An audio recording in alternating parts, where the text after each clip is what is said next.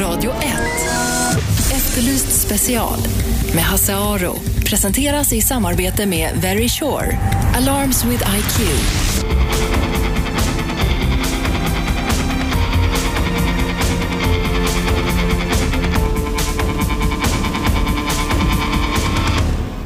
Välkomna till Efterlyst special. Hasse Aro heter alltså jag. Idag eh, pågår ett kuggligt dop just nu medan vi pratar i eh, Slottskyrkan i Stockholm. Hela redaktionen, när jag tittar ut genom glasrutan i studion här, står klistrad framför TV-apparaten. Men här inne pratar vi om juridik och sådana saker brott, straff och juridik i högre skolan ska vi prata om om en liten stund, nämligen konstitutionen. För på dopet idag så finns ju två personer med som kanske blir medlemmar av kungahuset också, nämligen prins Carl Philip och prinsessan Madeleines respektive nya partners. Eh, de sitter dock inte, kan jag meddela, längst fram i kyrkan tillsammans med sina partners utan eh, tydligen betydligt längre bak. Men ändå, de kan bli medlemmar av vårt kungahus och frågan är hur mycket vanliga dödliga så att säga tål kungahuset? När börjar medborgarna, vi andra, att ifrågasätta det hela och undra hur många ska vi försörja egentligen? Vi har ju då någonstans köpt att vi ska försörja kung och drottning och de som är av historiska band tillhör kungahuset. Men när vem som helst kliver in, då kanske vi börjar hålla i plånboken. Det här ska vi diskutera senare i programmet, men vi ska börja med något helt annat just nu. Nämligen en dom i USA som väckt uppmärksamhet över hela världen. Det handlar om illegal nedladdning av musik, nämligen att man laddar ner skivor på nätet. Någonting som jag tror vi alla har gjort. Jag har faktiskt också gjort det. Joel Tenenbaum i USA, han laddade ner eh, 30 låtar. Han är 28 år gammal, han laddade ner 30 låtar eh, och nu ska han böta närmare 5 miljoner kronor. Han, den här processen har pågått i tre år. Eh, men, och det har gått igenom alla rättsliga distans, instanser i USA.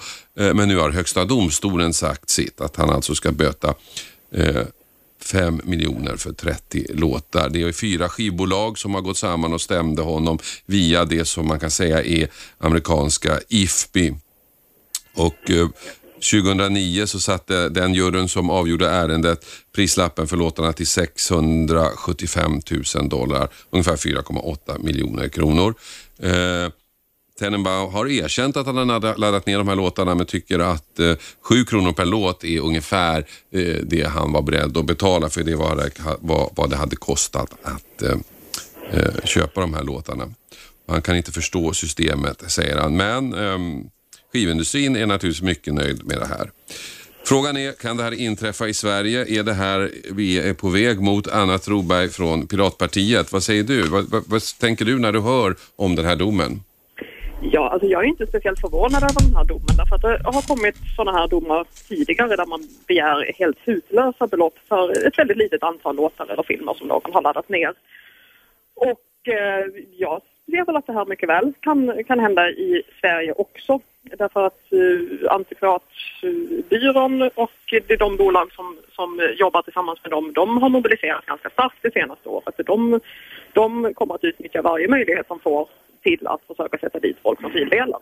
Mm. Vad tror du motivet är? Jag tror att man vill skrämma folk helt enkelt. Därför att det är så många människor som fildelar. Det är över två, två miljoner svenskar som fildelar skapligt regelbundet. Man kommer aldrig att kunna sätta dit alla dem, det är helt omöjligt. Men då kör man med skrämseltaktik, man, man försöker trissa upp beloppen så mycket som möjligt. Man har ju också indikerat att man kommer att skicka ut, eh, som man säger själv då, små, små eh, trevliga varningsbrev eller påminnelser om att oj, vi ser att du delat, låt bli med det. Men vi vet å andra sidan då från andra länder att de här breven är rena utpressningsbrev där man helt enkelt säger att vi ser att du har att du ska betala så här mycket inom tio dagar och så drar vi dig inför rätta. Och eh, som sagt, det här vet vi. Vi vet det från USA, vi vet det från Danmark då som är lite närmare Sverige och vi vet att de här organisationerna samarbetar väldigt mycket internationellt. Så, så jag ser ingen anledning till att Sverige inte skulle följa i, i, i samma fotspår. Nej. Häng kvar Anna, vi ska ringa eh, Mårten Schultz som är professor i, eh, i eh, civilrätt och höra vad han tror om eh, den här domen möjligen skulle kunna eh, i framtiden i alla fall även utdömas i Sverige. Det handlar alltså om en amerikan som blivit dömd till 5 miljoner kronor i böter för att ha laddat ner 30 låtar. Hallå Mårten? Nej. Mårten? Hej Mårten, Hasse Aro här, ringer direkt från Efterlyst special. Tja! Hej, ja, amerikanen Joel Tenenbaum har alltså laddat ner 30 låtar och eh, nu får han böta eh, närmare 5 miljoner kronor i en dom som fastslagits av Högsta domstolen faktiskt i USA. Vad tror du, är det här möjligt att vi eh, får se i framtiden i Sverige, så här höga skadeståndsbelopp? Ja, ja, böter lär vi inte kunna se i de nivåerna, men, men, men skadestånd, eh, det skulle man kunna tänka sig. Det beror ju alldeles på hur omfattande brottsligheten är, så att säga. Hur, hur, mycket, hur mycket man har, om det är till exempel fildelning på nätet, då, hur mycket man har laddat ner, men framförallt hur mycket man har delat ut. Mm. Hur, hur beräknas det här? Ja, det, det är en ganska komplicerad modell. Och um, jag är ju, håller egentligen mest på med allmän skadeståndsrätt, så jag är inte specialist. Men man beräknar i flera olika led, eller det är flera olika komponenter. Det finns dels en ideell skadestånd och det finns dels ett, eller en ideella skadeposter så att säga, och dels ekonomiska skadeposter. Så finns det dessutom en möjlighet att ytterligare eh, höja skadestånden som den som eh, till exempel delar ut musik eller andra skyddade verk tjänar pengar på det på Mm. verksamheten. Det vill säga om man kommersiellt, kommer, om kommersialiserar brottsligheten. Då. Men det låter ju på dig som att någon övre gräns kanske inte riktigt är satt. Nej, det kan man inte säga. Nej, precis. Och det är immaterialrätten och upphovsrätten då som i det här sammanhanget eh, är ju intressant om man jämför med för de av oss som mest håller på med vanliga skadeståndsfrågor att, Mm. eh, att, att det kan springa iväg ordentligt mycket på ett sätt som man brukar vara återhållsam med i övriga skadeståndsrättsliga sammanhang. För om jag, om jag slår dig på käften så, så finns det ju så att säga någon slags övre gräns för skadestånd där och det är inte särskilt mycket. Nej, även där är det ju två komponenter då. Dels, eh, man kan väl säga att det här, om jag är Bill Gates och tjänar två miljarder på, per år i lön och du slår mig på käften och jag inte längre kan tjäna de pengarna, ja då ska jag ju i princip ha ersättning för dem. Men när det gäller den ideella komponenten så är den, eh, det som ligger utöver de ekonomiska ersättningarna, där, de nivåerna är ju i allmänhet låga. Man skulle väl tänka sig mellan, ja kanske 25 000 kronor eller något sånt för den misshandel som du beskriver. Så det är ju, det är ju, det är ju inga höga belopp. Men du, det här med fildelning är ju kontroversiellt, det vet vi ju. Och, eh, på något sätt så verkar ju då som bolagen, skivbolagen och de som har eh, de här rättigheterna har vunnit det här kriget nu. Myndigheterna går med på att bedöma det här så hårt. Är det, är det en riktig eh, tolkning? Alltså, några, några, några liksom, sådana slutsatser för svenskt kan man ju inte dra av en dom i USA, men Ja, men vi hade ju, en, vi hade ju Pirate Bay-målet. Ja. Ja, det är lite svårt att, att dra den slutsatsen tycker jag. Och, Ja. eh, eh, Just eftersom tanken är att man ska betala, det, det, de stora kostnaderna är man ska betala vad det kostar för de som har rättigheterna och vad de förlorar på att rättigheterna används på ett otillbörligt sätt. Mm. Eh, och eh, om man tycker att det är att eh, industrin har vunnit, jag vet inte. Det, man kan väl i och för sig säga, som jag som kommer från, återigen från den vanliga skadeståndsrättens håll, att i de flesta vanliga sammanhang när man begår brott så skulle det finnas utrymme för att jämka. Det vill säga att domstolarna säger att nej, men nu sätter vi den totala skadeståndssumman till en halv miljon eller en miljon. Särskilt om det är unga skadevållare så kan man göra det även vid brottsliga gärningar så att man inte ska slå ut de här människorna ur samhället på grund av en betalningsbörda som liksom som, eh, omöjliggör dem att någonsin återvända till ett normalt ekonomiskt liv med arbete och inkomster. Och, så det, det, är ju, en- det är ju liksom en, eh, det är ju en, en grundläggande värdering i, i skadeståndsrätten i stort att man ska, att man ska vara försiktig och den, det ser man ju inte, den värderingen ser man ju inte komma till något tydligare uttryck i, i uh, upphovsrättssammanhang. Nej, precis. Okej, eh, Mårten, jag vet att du är på lunch. Tack för att vi fick ringa så mycket. Tack, tack. Eh, Ja, hej. Eh, Anna, vad säger du om Mårtens resonemang här? Det låter ju som om, även om det inte är på de här nivåerna, men att skadestånd i de här fallen blir högre än i andra eh, brottsfall. Ja, jag, jag tycker att det är skrämmande och jag tror absolut inte att industrin, att upp, upphovsrättsindustrin har, har vunnit den här kampen. Jag tror att varje sån här liten seger som de vinner är en pyrrusseger. De förlorar någonting varje gång därför att den allmänna rättsuppfattningen är att fildelning är någonting man gör, det är ingenting som man tycker är speciellt brottsligt. Väldigt många anser inte alls att det är brottsligt som till exempel Piratpartiet tycker inte att det ska vara det. Ehm, därför att det är någonting som gynnar kulturlivet på ett bra sätt. Ehm, Men även de som tycker att det fortfarande ska vara brottsligt att fildela har ju fortfarande någon sorts uppfattning om att det ska finnas proportion mellan brott och straff. Och även de som, som tycker, fortfarande tycker att fildelning borde vara olagligt ser det oftast inte som något speciellt brott. Det, det är en, en liten skitsak som inte som inte orsakar samhället någon, någon, någon större skada. Så inte ens de som är mot fildelning tycker att det är ett jättebrott. Och ändå så ska man då ha de här gigantiska straffen som, som överhuvudtaget inte står i proportion till någonting. Så jag tror att varje gång industrin får en sån här seger så förlorar de någonting mycket, mycket större. Så jag brukar säga att den här tilldelningsdebatten den har vi pirater redan vunnit. Det är bara en fråga om att begränsa skadeverkningarna tills segern är slutgiltig. Man skulle kunna se eh, den här striden som, som en bransch, en dödsdröm bransch sista strid och jämföra med till exempel eh, med de franska väveriarbetarna som kastade träskor på på vävstolarna när de kom för att de förlorade jobbet. Det var också en, i, på långa lopp en hopplös kamp. Ser du det här som en liknande? Det gör jag absolut. För det, vi, vi befinner oss mitt i ett brytningsskede och, det, och det, det är ganska naturligt att, att eh, de som har tjänat sitt levebröd på, på, på det gamla nu ser att det börjar urholkas och, och, och då blir de rädda och bekymrar sig för sin försörjning såklart. Men här ska man komma ihåg att jag, enskilda kulturskapare behöver inte bekymra sig. Folk spenderar mer pengar på kultur än vad de någonsin har gjort. De som möjligen behöver bekymra sig det är mellanhänderna, alltså stora musikförlag, stora bokförlag som inte kommer att behövas i lika stor ut, utsträckning. De, genom den nya tekniken och eh, de enskilda kulturskaparnas möjligheter att, att faktiskt kunna göra väldigt mycket själv utan de här eller med mycket mindre hjälp av dem så, så blir ju de utrangerade och, det, och det, det är klart att de protesterar väldigt, väldigt högljutt men, men jag tror att det är, det är de, de sista dödsryckningarna. Men det du pratar om är ändå på lång sikt. På kort sikt förlorar ju även artister på det här. De får inte betalt för sin musik. Ja, men då ska man också titta på om, om kulturskapare vill, vill få en lite snabbare, alltså en liten quick fix på, på sina ekonomiska förutsättningar så ska de se över sina avtal som de har med de stora musikförlagen eller bokförlagen. Därför att man ska komma ihåg att de här mellanhänderna, de är inte de enskilda kulturskaparnas bästa vänner. De har jobbat väldigt länge med att få åt sig så mycket pengar som möjligt utan att egentligen tänka på den, den enskilda kulturskaparen som faktiskt är orsaken till att de, att de alls finns och kan tjäna pengar.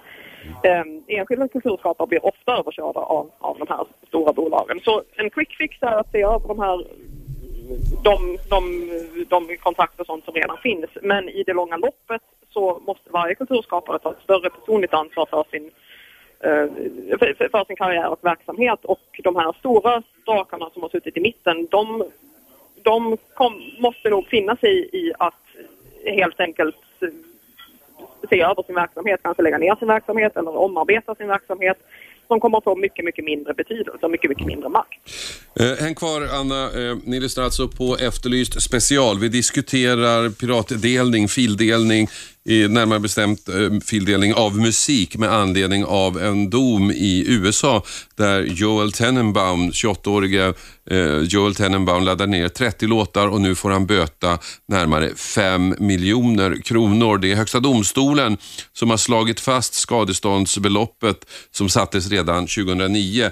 675 000 dollar blev han dömd att betala. Han har överklagat det här eh, hela vägen upp på Högsta domstolen amerikanska högsta domstolen alltså tog upp det här och fastslog bötesbeloppet. Han är naturligtvis chockad. Själv tyckte han att eh, eh ett rimligare belopp skulle varit ungefär 99 cent per låt, det vill säga så mycket som det hade, varit, eh, hade kostat att köpa de här låtarna legalt. Då undrar jag, vad tycker ni som lyssnar om fildelning? Är Kampen mot fildelarna, dinosauriernas kamp, sista försöket att rädda en dödsdömd bransch? Eller är det en rimlig kamp mot människor som faktiskt stjäl försörjningen från artister, konstnärer och dramatiker. Vad tycker ni? Ring gärna in 0200 11 12 13. Jag tar samtal under eh, pausen. Och Anna, hoppas att du kan hänga kvar ett tag till. Ja, då, inga problem. Så är vi strax tillbaka. Radio 1. Efterlyst special med Hasse Aro. Presenteras i samarbete med Very Sure. Alarms with IQ.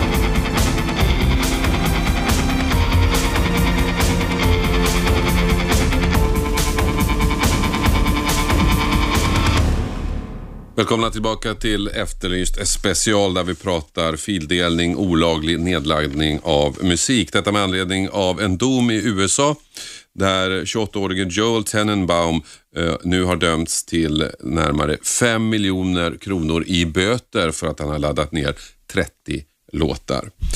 Eh, det här är högsta domstolen faktiskt i USA som har slagit fast en tidigare dom från 2009 Eh, och där, som sa att eh, Joel alltså skulle böta 675 000 dollar, ungefär 4,8 miljoner kronor. Vi pratade tidigare med juristen, eh, professorn i civilrätt Mårten Schultz som menade att även i Sverige kan vi nog räkna med ganska höga skadestånd på den här typen av verksamhet. Därför det finns egentligen ingen övre gräns för hur mycket man kan få betala. Det handlar om hur mycket industrin anser sig ha förlorat och i USA så lyckades då eh, deras motsvarighet i IFPI visa att eh, den skada de led var ungefär 5 miljoner kronor. Med oss på telefon finns ehm, Anna Troberg från Piratpartiet eh, som naturligtvis är upprörd över den här domen. Eh, men du sa Anna tidigare att du tror att varje sån här dom egentligen är en seger för er. Kan du utveckla det? Ja men absolut, vi, vi märker ju på, på de som hör av sig till oss när sådana här domar dyker upp i pressen att folk börjar ringa till oss, de är, de är rädda för att åka dit, de, de undrar vad de kan göra för att, för att ändra det här systemet, att, vad de kan göra för att hjälpa till att legalisera fildelning för privat bruk. Um, så var, varje sån här sak som dyker upp i pressen gör att folk vänder sig till oss för att, för att få hjälp och för att erbjuda sin hjälp i vårt arbete mot de här galna, galna lagarna. Mm. Eh, vad tycker du som lyssnar? Ring gärna in 0200 12 13. 0200 12 13. Är det så att de här bötesbeloppen är rimliga för att skydda de som faktiskt skriver musik och böcker för att de ska fortsätta tjäna pengar på det? Eller är det här en dinosauriernas hopplösa kamp och att musikindustrin som den ser ut idag förr eller senare kommer att få bita i gräset? 0200 12 13. Erik, du har ringt. Ja, Eh, jag vill bara börja med att säga att jag är ju ingen som helst expert på de här områdena. Men, Nej, men vem är det? Nej, precis, men sunt förnuft kan, kan, kan man väl tycka att... Eh, alltså, jag får ju en känsla av att allt det här, det förstör ju marknaden. Det måste ju göra. Det, det, det, alltså, för det är precis samma sak. Alla stora branscher som tjänar en massa pengar, det kan man väl tycka vad, vad man vill om. Liksom att, eh, att eh, det finns artister och skivbolag som tjänar miljarder på, på, på, liksom, på att sälja skivor. Och de, de har ju i princip monopol på marknaden. För jag menar, eh, eftersom att du kan inte få tag på något annat sätt, förutom nu då, där du kan så att säga ladda ner mm. eh, så att säga i princip vad man vill, när som helst, var som helst. Ponera då, vad fan, eh, om, tänk om det hade varit så att jag hade en, en med bensin hemma till mitt garage va. Och jag bara kunde ladda ner lite bensin när jag behövde tanka bilen. Det skulle ju också förstöra marknaden så... Och, och, det finns väl inga skivbolag som har lust att satsa på och på till exempel satsa på, på nya akter, nya artister oavsett om det är film eller musik eller Alltså, det måste ju hämma marknaden på något sätt. Du menar att det, det, är, rim, det är rimligt att bolagen då uh, har den här kampen mot de som illegalt laddar ner därför att det handlar om att rädda sin egen bransch? Ja, jag vet inte, hur ska de annars göra? Ja, ja, om det är någon som kan förklara för mig hur man annars skulle göra eller vilket annat system man skulle ha för att eh, det skulle finnas möjlighet för artister och andra att tjäna pengar. Nu är inte jag liksom någon, någon sån här som ska försöka skydda och prata gott och, och försöka skydda då så att säga de här som sitter och tjänar miljarder. Men det finns ju faktiskt folk som vill... Eh, Men du tänker på eh, låtskrivare och författare, sådana ja, som faktiskt försöker... Ja, faktiskt ta sig in på, på, på marknaden. Eller sådana som försöker hänga sig kvar som, som med nöd och näppe lyckas. Mm. Eh, trots att de kanske arbetar ganska hårt. Så frågan är hur, hur för det, det slår ju också mot dem. Ja. ja, mig gör det ingenting om det slår mot någon, så att säga, de här då som tjänar en eh, ofantliga summor pengar. Va? Men, men det finns ju de som faktiskt tjänar eh, normala månadslöner och... Mm. Och, och, och, knappt liksom, det. Knappt det och, och försöker kämpa och hänga sig kvar. Och, eh, det är kanske inte så jävla roligt eh, för dem då, för det slår Nej. väl även mot dem och nedladdning. Jag menar, det, det, det här med, jag förstår ju på sätt och vis det här med att ja, man, man vill ladda ner och man vill, för det är enkelt och bekvämt, men då, då, då har ju också liksom, eh, eh man tar ju faktiskt någonting. Man, man snor ju det i princip. Vänta, vi, ska höra vad Anna, vi ska höra vad Anna säger. Hur ska, hur ska artister eh, och kulturarbetare tjäna pengar i framtiden, Anna? Eh, ja, man ska komma ihåg två saker först. Och det, det första är att fildelning fungerar som, som reklam helt enkelt. Eh, människor som fildelar väldigt mycket de köper också mer köpekultur än andra och, och människor överlag spenderar mer, mer pengar på köpekultur nu än vad man gjorde tidigare. Men man går kanske mer på konserter än vad man köper CD-skivor och så vidare. Så, så faktum är att det här är bra för branschen. Det, det gör att det kommer in mer pengar i kulturbranschen. Uh, och sen den, den uh, gamla frågan där då, hur, hur, ska artister eller författare få betalt? Och där är tyvärr det svaret detsamma som det alltid har varit med mycket möda och stort besvär. Därför att det har aldrig varit lätt tyvärr att, att, att försörja sig på kulturskapande. Men vi lever i den bästa av, av tider. Förr fanns det några få vägar att tjäna pengar på kultur. Man, man försökte skaffa sig ett skivkontrakt eller ett förlagskontrakt och utan det fanns det liksom ingen annan möjlighet. Mm. I och med den nya tekniken så finns det massor med nya möjligheter. Man, man kan gå den vägen om man vill men man kan också, som jag sa tidigare, ta sin karriär och sitt yrke i sina egna händer och, och och, och sprida sin kultur till, till människor över hela världen och också få betalt för den väldigt lätt med, med hjälp av tekniken. Mm. Så visst, visst, vissa dörrar stängs men, men väldigt många andra har öppnats. Så jag känner mig inte det minsta orolig för hur våra jätteviktiga kulturskapare ska överleva. Jag tror att de har bättre chanser nu än vad de någonsin har haft. Erik, om man, om man tittar på historien så har ju branscher och sätt att försörja sig förändrats hela tiden och, det finns yrken som man tjänade mycket pengar på förr som överhuvudtaget inte finns kvar idag och så vidare.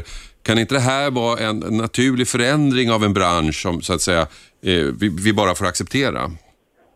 Ja, det är möjligt. Men eh, som sagt, det, det, vet ju, det tror jag varken jag eller, eller Anna, och hon, vad hon heter här, jag tror, tror ingen av oss vet egentligen om det här är, är, är, om det är, det är så att det är naturligt en naturlig förändring av branschen.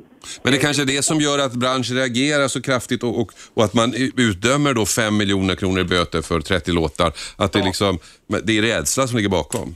Nu förstår jag att det är, det, det är helt sjukt Det där blir fantasisummor. Alltså det, där, det, det där är ju...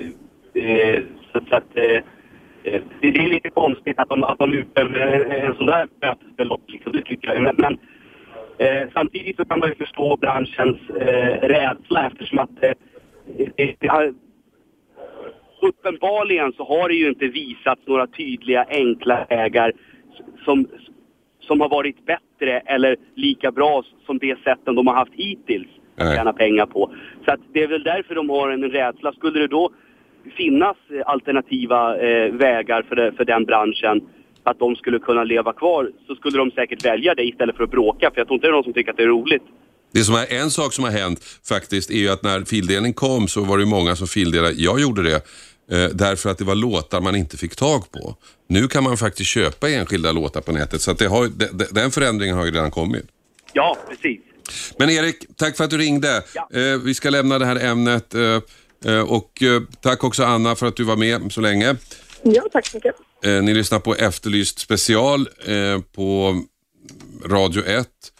101,9 är megahertzen och vi ska prata eh, något helt annat efter pausen, nämligen eh, monarkin.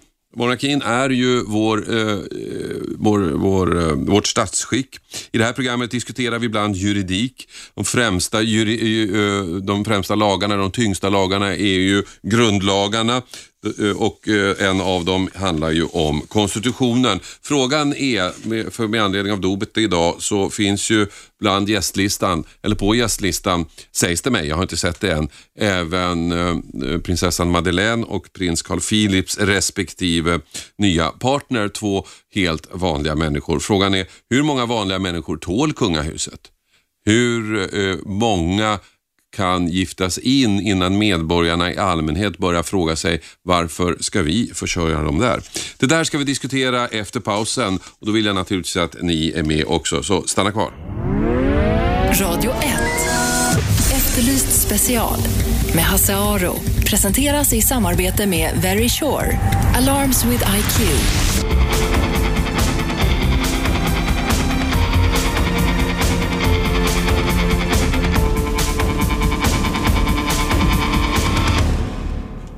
Välkomna tillbaka. Efterlyst special. Hasse Aro heter jag. Eh, det här programmet handlar ju om brott och straff i huvudsak, men ibland också om lag och de tyngsta lagar vi har är ju grundlagarna, där konstitutionen är den kanske tyngsta. I den eh, fastslås att allt folk utgår från, eh, all makt utgår från folket i Sverige. Men där fastslås också att statschefen är Eh, eh, kungen och eh, den blivande statschefen är den förstfödda inom äktenskapet. Just nu pågår dopet i Slottskyrkan av prinsessan Estelle. Eh, jag ser på tv-skärmen som jag har framför mig att man tågar ur, själva ceremonin tycks vara över. Man tågar ner för trappan eh, till Slottskyrkan och eh, det är väl kronprinsessan och eh, prins Daniel och eh, den lilla Estelle som är först i ledet. Med på dopet var också, om jag är rätt underrättad, jag har inte sett det själv eh, och kan därför inte bekräfta, men med på dopet ska enligt uppgift ha varit eh, prinsessan Madeleine och eh, prins Carl Philips eh, respektive. Två helt vanliga människor. Eh, och eh, kronprinsessan har gift sig med eh, Daniel som blev prins Daniel. Frågan är hur många vanliga människor tål kungahuset egentligen? Det kan synas en ganska töntig fråga. Klart att alla ska få gifta sig med vem de vill i en modern tid. Men när man diskuterar kungahuset så kan man inte ha de vanliga, eh, de vanliga argumenten. Man kan inte ha de vanliga utgångspunkten därför att monarkin och kungahuset i sig är en anakronism, det vill säga en otidsenlig företeelse i en främmande tid att man överhuvudtaget kan ärva en statschefstitel strider mot allt vad vår demokratiska grundsyn heter, men vi köper det. Vi har köpt det och vi har beslutat eh, om att det ska vara så i god demokratisk ordning och jag tror att vi köper det därför att det alltid har varit så. Kungafamiljen har alltid varit kungafamiljen och därmed så, så köper vi det eh, av ren tradition och eh, konservatism kan man tycka. Men hur som helst, eh, det är få som vill avskaffa kungahuset men då är ju frågan när då vanliga människor gifts in i kungahuset, hur många tål vi? Hur många tycker vi att vi kan försörja? Hur lite blått blod ska man ha egentligen för att platsa i, eh, som prins eller prinsessa? För om vi ska vara ärliga, om vi ska titta på det blåa blodet, om det nu finns något, så pratar vi ju om att prinsessan Estelle, hon har ju då kvarts, en kvarts blått blod och hennes barn kommer ha en åttondel. Henrik S Järrel, eh, ja. Du är tidigare riksdagsledamot, du eh, är intresserad för den här typen av frågor. Finns det, håller du med mig i mitt resonemang? Finns det en risk här nu att kungahuset på något sätt dömer ut sig själva? Ja, först ska vi väl konstatera att jag tror att vi har haft lättare med tiden att acceptera det faktum att eh, vi har en eh, ärftlig monarki. Eh, vi har ju haft valmonarkier också, gubevars. Eh, men just på den grunden att numera har ju faktiskt inte vår statschef någon konstitutionell politisk makt. Utan han eller hon har en representativ ceremoniell mm. funktion, väl så viktig. Och Ehm, eh, svaret på din fråga är väl att eh, vi har haft många som faktiskt har gift sig med ofrälse också och därmed eh, medvetet eh, avsagt sig tronföljdsrätten. Eh, det finns ju flera till exempel, eh, exempel, exempel på det om vi tittar på förutvarande kungen Gustav VI Adolfs barn, söner Både prins eh, Sigvard Bernadotte gifte sig ju med en ofrälse kvinna eh, två gånger. Och eh, Karl Johan som också föddes som prins och som nyligen gick bort Eh, han var gift också två gånger och avsade sig mm. principiellt arvsrätt. Men de, de, när de gifte sig så åkte de ju, om man ska uttrycka sig blumpt, då åkte de, ut, de åkte ur kungahuset. De blev av med sina titlar och de fin, fick så småningom båda två andra titlar, men det var ju inte svenska titlar. Och Nej. man var ganska hård då. Antingen håller ni till reglerna ja. eller också får ni avsäga det hela. Men nu ja. är det ju inte så längre och finns det då en risk att vi så småningom säger ja men här har vi en prins från Ockelbo, här har vi en från New York och här har vi en prinsessa från någon dokusåpa någonstans. Köper ja. vi det i längden? Frågan är naturligtvis berättigad hur pass utspätt kan, eh, om man får uttrycka det så, blodet mm. bli för att inte blir allt för vanligt. Mm. Och det, det är svårt att ange någon sådan gräns naturligtvis. Det, det, det låter sig inte Mm. Nej, det är klart inte jag. Men, men finns Eh. risken tror du? Ja, det finns väl en liten eh, sådan risk. Det tror jag en del skulle vilja tycka. Samtidigt så kan man ju säga så här att vår nuvarande kung försöker leva upp till sitt valspråk Sverige i tiden. Och i tiden så ligger väl detta också, precis som, som du antydde här i ditt resonemang, att man nu ska man få gifta sig med den man vill utan att konventioner och, och, och andra sociala stora tunga band lägger hinder i vägen. Och vi vet ju också att eh, förr i världen när man hade många resonemangspartier i de kungliga eh, släkten släkterna eh, så, så var det ju inte alltigenom lyckat när man liksom eh, förde samman människor som inte hade särskilt mycket gemensamt. Och så hade vi lönndörrar ur tapeterna i Ja, solmarken och så vidare.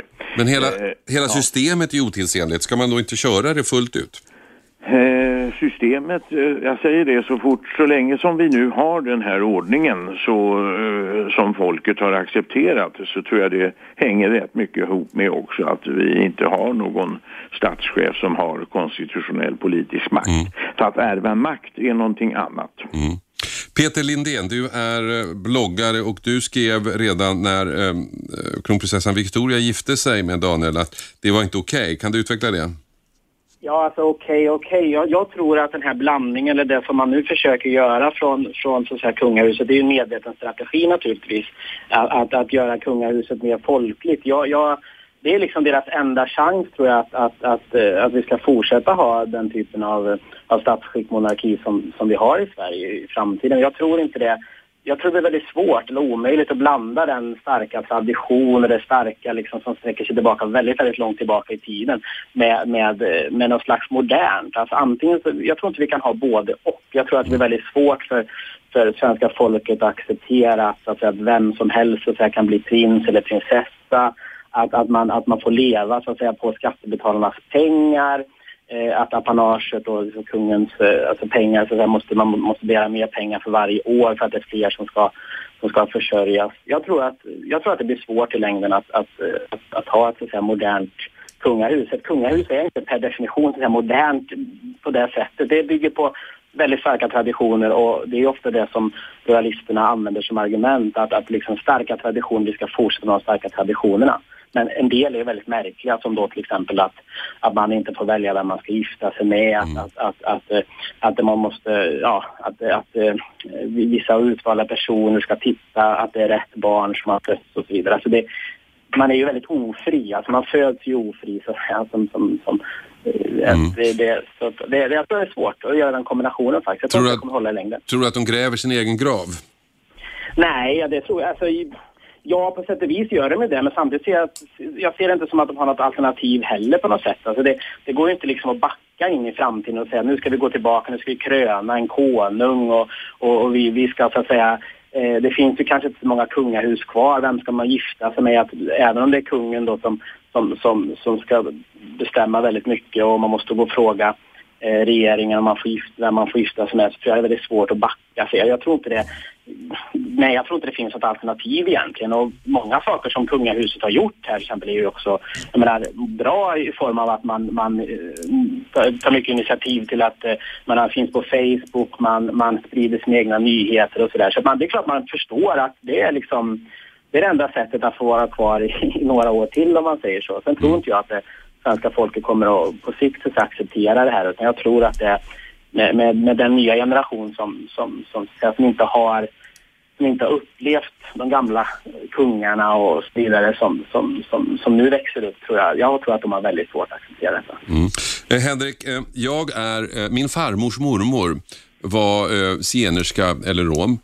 Eh, Det gör mig till 16 del. Eh, vad jag förstår så statsminister Fredrik Reinfeldt har släkt på samma nivå så att säga som var svart, så det gör honom 16 dels svart.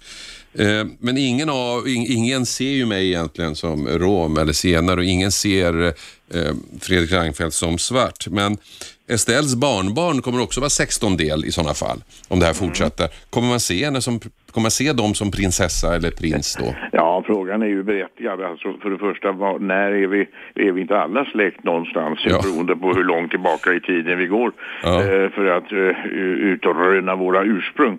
Men, men det är klart att visst, det, eh, blir det väl väldigt utspätt så att säga och eh, gemene man och kvinna liksom kan eh, eh, gifta in sig i en, vad ska vi kalla det för, dynasti eller en släkt som enligt grundlagen då har eh, rätt till kronan. Eh, så, så, så går ju inte det att göra hur länge som helst utan att man eh, rycker undan grunden för, eh, vad ska vi kalla det för, den historiska grunden för representativiteten och, och, och skälet till att de överhuvudtaget sitter eh, Bernadottarna på den svenska tronen. Jag menar det blir svårt i längden att försvara det men, men samtidigt så eh, ja, de, eh, samtidigt så har de ju då eh, en annan faktor menar jag som är väldigt betydelsefull för acceptansen det är ju att de sköter och lever upp till sina förväntningar och sina representativa plikter, vilket jag tycker de gör i allt väsentligt eh, bra. Jag menar, det får inte bli för mycket skandaler av olika slag, för då, då kommer det här att gå fortare ut för i så fall. Det tror jag inte på. Man, det gäller att sköta sig på, på, på, i den kungliga familjen med de uppgifter som man har sig ålagda. Representation och ceremonier typ, som vi ser. Det är ofrånkomligen så. Men vi såg ju, Ja, Peter. säga någonting. vi, vi såg ju då, då så att säga, de skandalerna som var kring, kring kungen och kring den bok som publicerades och, och vad som nu var sant och inte var sant och vad som egentligen hände eller inte hände och kungens kompisar som det också skrevs väldigt mycket om. Det, det var ju så att säga, det var ju i, i princip tror jag på väg så att säga, att rasera det förtroendet som, som svenska folket har för det svenska kungahuset. Hade man inte haft eller har Victoria som, som man då har uppenbarligen mycket större förtroende för och vill se henne som då Eh, som drottning så hade inte, hade inte hon funnits så hade vi så hade, vi, så hade den här utvecklingen då mot någon form av republik eller att, eh, att eh, statsministern blir statsöverhuvud eller liknande gått otroligt mycket snabbare. För, men menar, vi, vi, vi såg ju då när det alltid hände att det, det går ganska fort att liksom rasera det förtroende som man har byggt upp under väldigt lång tid. Svenska folket har väldigt högt förtroende för kunga, kungen och kungahuset. Men när det blir sådana här skriverier man inte riktigt vet om kungen varit i sammanhang som är olämpliga eller inte då går det väldigt snabbt utför. Och det, det, det, det var ju det vi såg. Jag tycker du har rätt så tillvida som att du gjorde den reservationen. Vad som är sant eller inte, det vet man ju inte i den där boken. Nej, nej, det vet man Eh, inte. och, men- och det, ty- det är ju ett korrekt påpekande att det, det, det var väldigt mycket tror jag spekulation kort och gott i det där och eh, att sälja en produkt på skandalgrund. Eh, spekulations och sensationsgrund om jag får uttrycka det så. Men eh, återigen så visst. Jo, men det ska inte ens finnas en sån, alltså kungen ska ju stå liksom, eh, det ska inte ens finnas så mycket så att säga att Nej. bygga det på överhuvudtaget så att kungen, om man nu ska ha ett statsskick där man, där man har en kung som ska stå över folket, som, som inte får uttala sig i politiska frågor, som, som ska säga enligt den överenskommelsen som gjordes då i Torekov, så att säga, ha ceremoniella men ändå betydande, göra betydande insats för landet. Det blir ju liksom, även om det inte var sant eller inte, så gick det ju ganska långt liksom, i anklagelserna och det fanns ju ganska mycket mm, ändå material som man, Pe- man kunde ju... Peter, vi får fortsätta debatten eh, om en stund. Eh, det här är eh, Radio 1. Vi har reklam för att finansiera, finansiera vår verksamhet eh, och det är dags för en reklampaus. Du som lyssnar, vad tyck, tycker du nu när ytterligare två vanliga medborgare tycks vara på väg att introduceras i vårt svenska kungahus. Gräver kungahuset sin egen grav eller är det en, en, en nödvändig föryngring och modernisering av eh, monarkin? Ring in 0200 11 12 13. Jag tar eh, samtal under reklamen. Radio 1. Efterlyst special med Hasse Aro. Presenteras i samarbete med Very Sure. Alarms with IQ.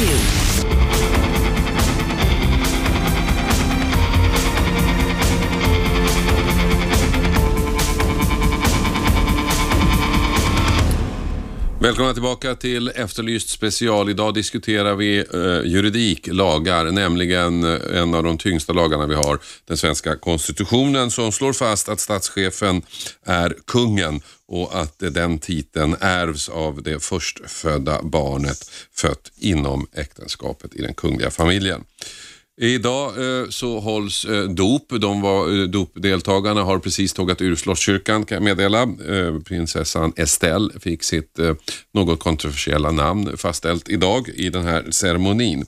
Och med på dopet fanns också enligt uppgift eh, prinsessan Madeleine och prins Carl Philips respektive partner. Två i sammanhanget helt vanliga människor. Och frågan vi diskuterar här just nu är hur många vanliga människor tål det svenska kungahuset? Nu tycks två stycken till vara på väg att introduceras. Frågan är när börjar andra medborgare säga att eh, ifrågasätta vilka som ska försörjas och hur många som ska försörjas egentligen.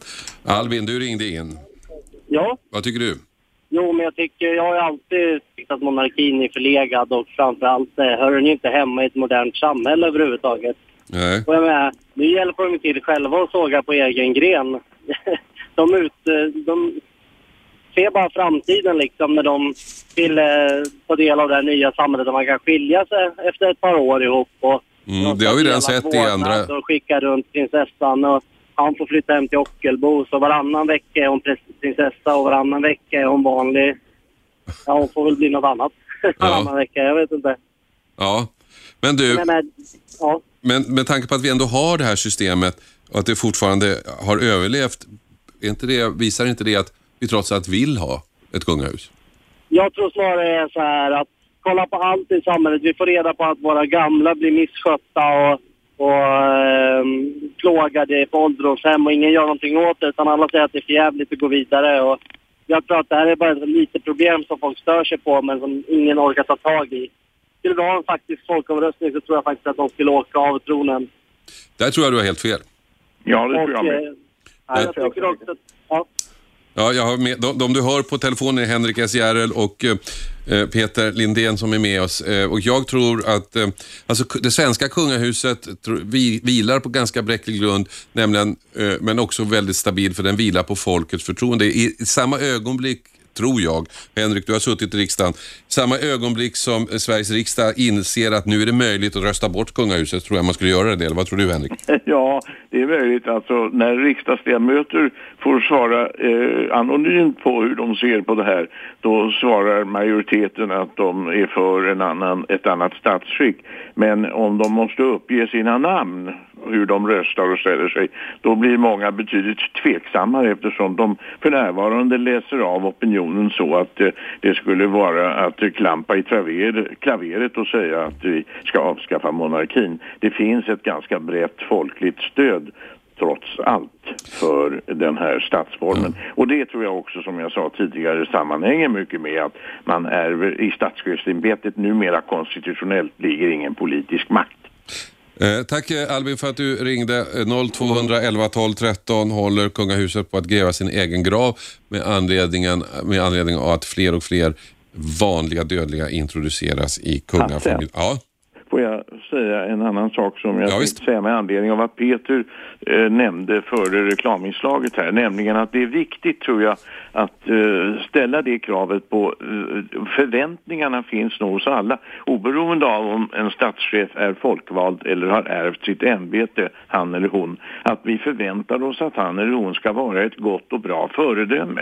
För vem vill bli företrädd utomlands med en person som har ett skamfilat rykte och en, en tveksam moral? Det är väl ingen av oss som vill bli företrädd av en sådan person. Okej, tack. Sista samtalet, vem där? Vem är det? Hallå, du får... Hallå, det är Erik. Ja, hej Erik. Vad tycker du? Ja, varför ska man ändra på någonting? Det är våran historia Ja. vi pratar om det här. Men tycker du det är okej att vi ska försörja då alla möjliga människor från Ockelbo och New York och sånt där? Ja, men nu, nu, har vi haft det här i alla dessa år och, och har en grundlagd historia med kungar och ätter och sådär. Ja. Det är de som har liksom byggt Sverige från, eh, från start. Okej, tack för att du ringde. Det fick bli sista samtalet eh, för eh, vår programtid är slut. Hasse, Ja. har, vi, har vi tid med... Nej, vi har inte tid. Tyvärr inte Henrik, utan nu måste jag faktiskt sluta. Jag har redan dragit Okej. över lite grann. Tack Henrik S. Järrel för att vi fick ringa. Tack också Tack. Peter Lindén som är bloggare och eh, har varit med i den här debatten. 101,9 Radio 1. Sveriges nya pratradio.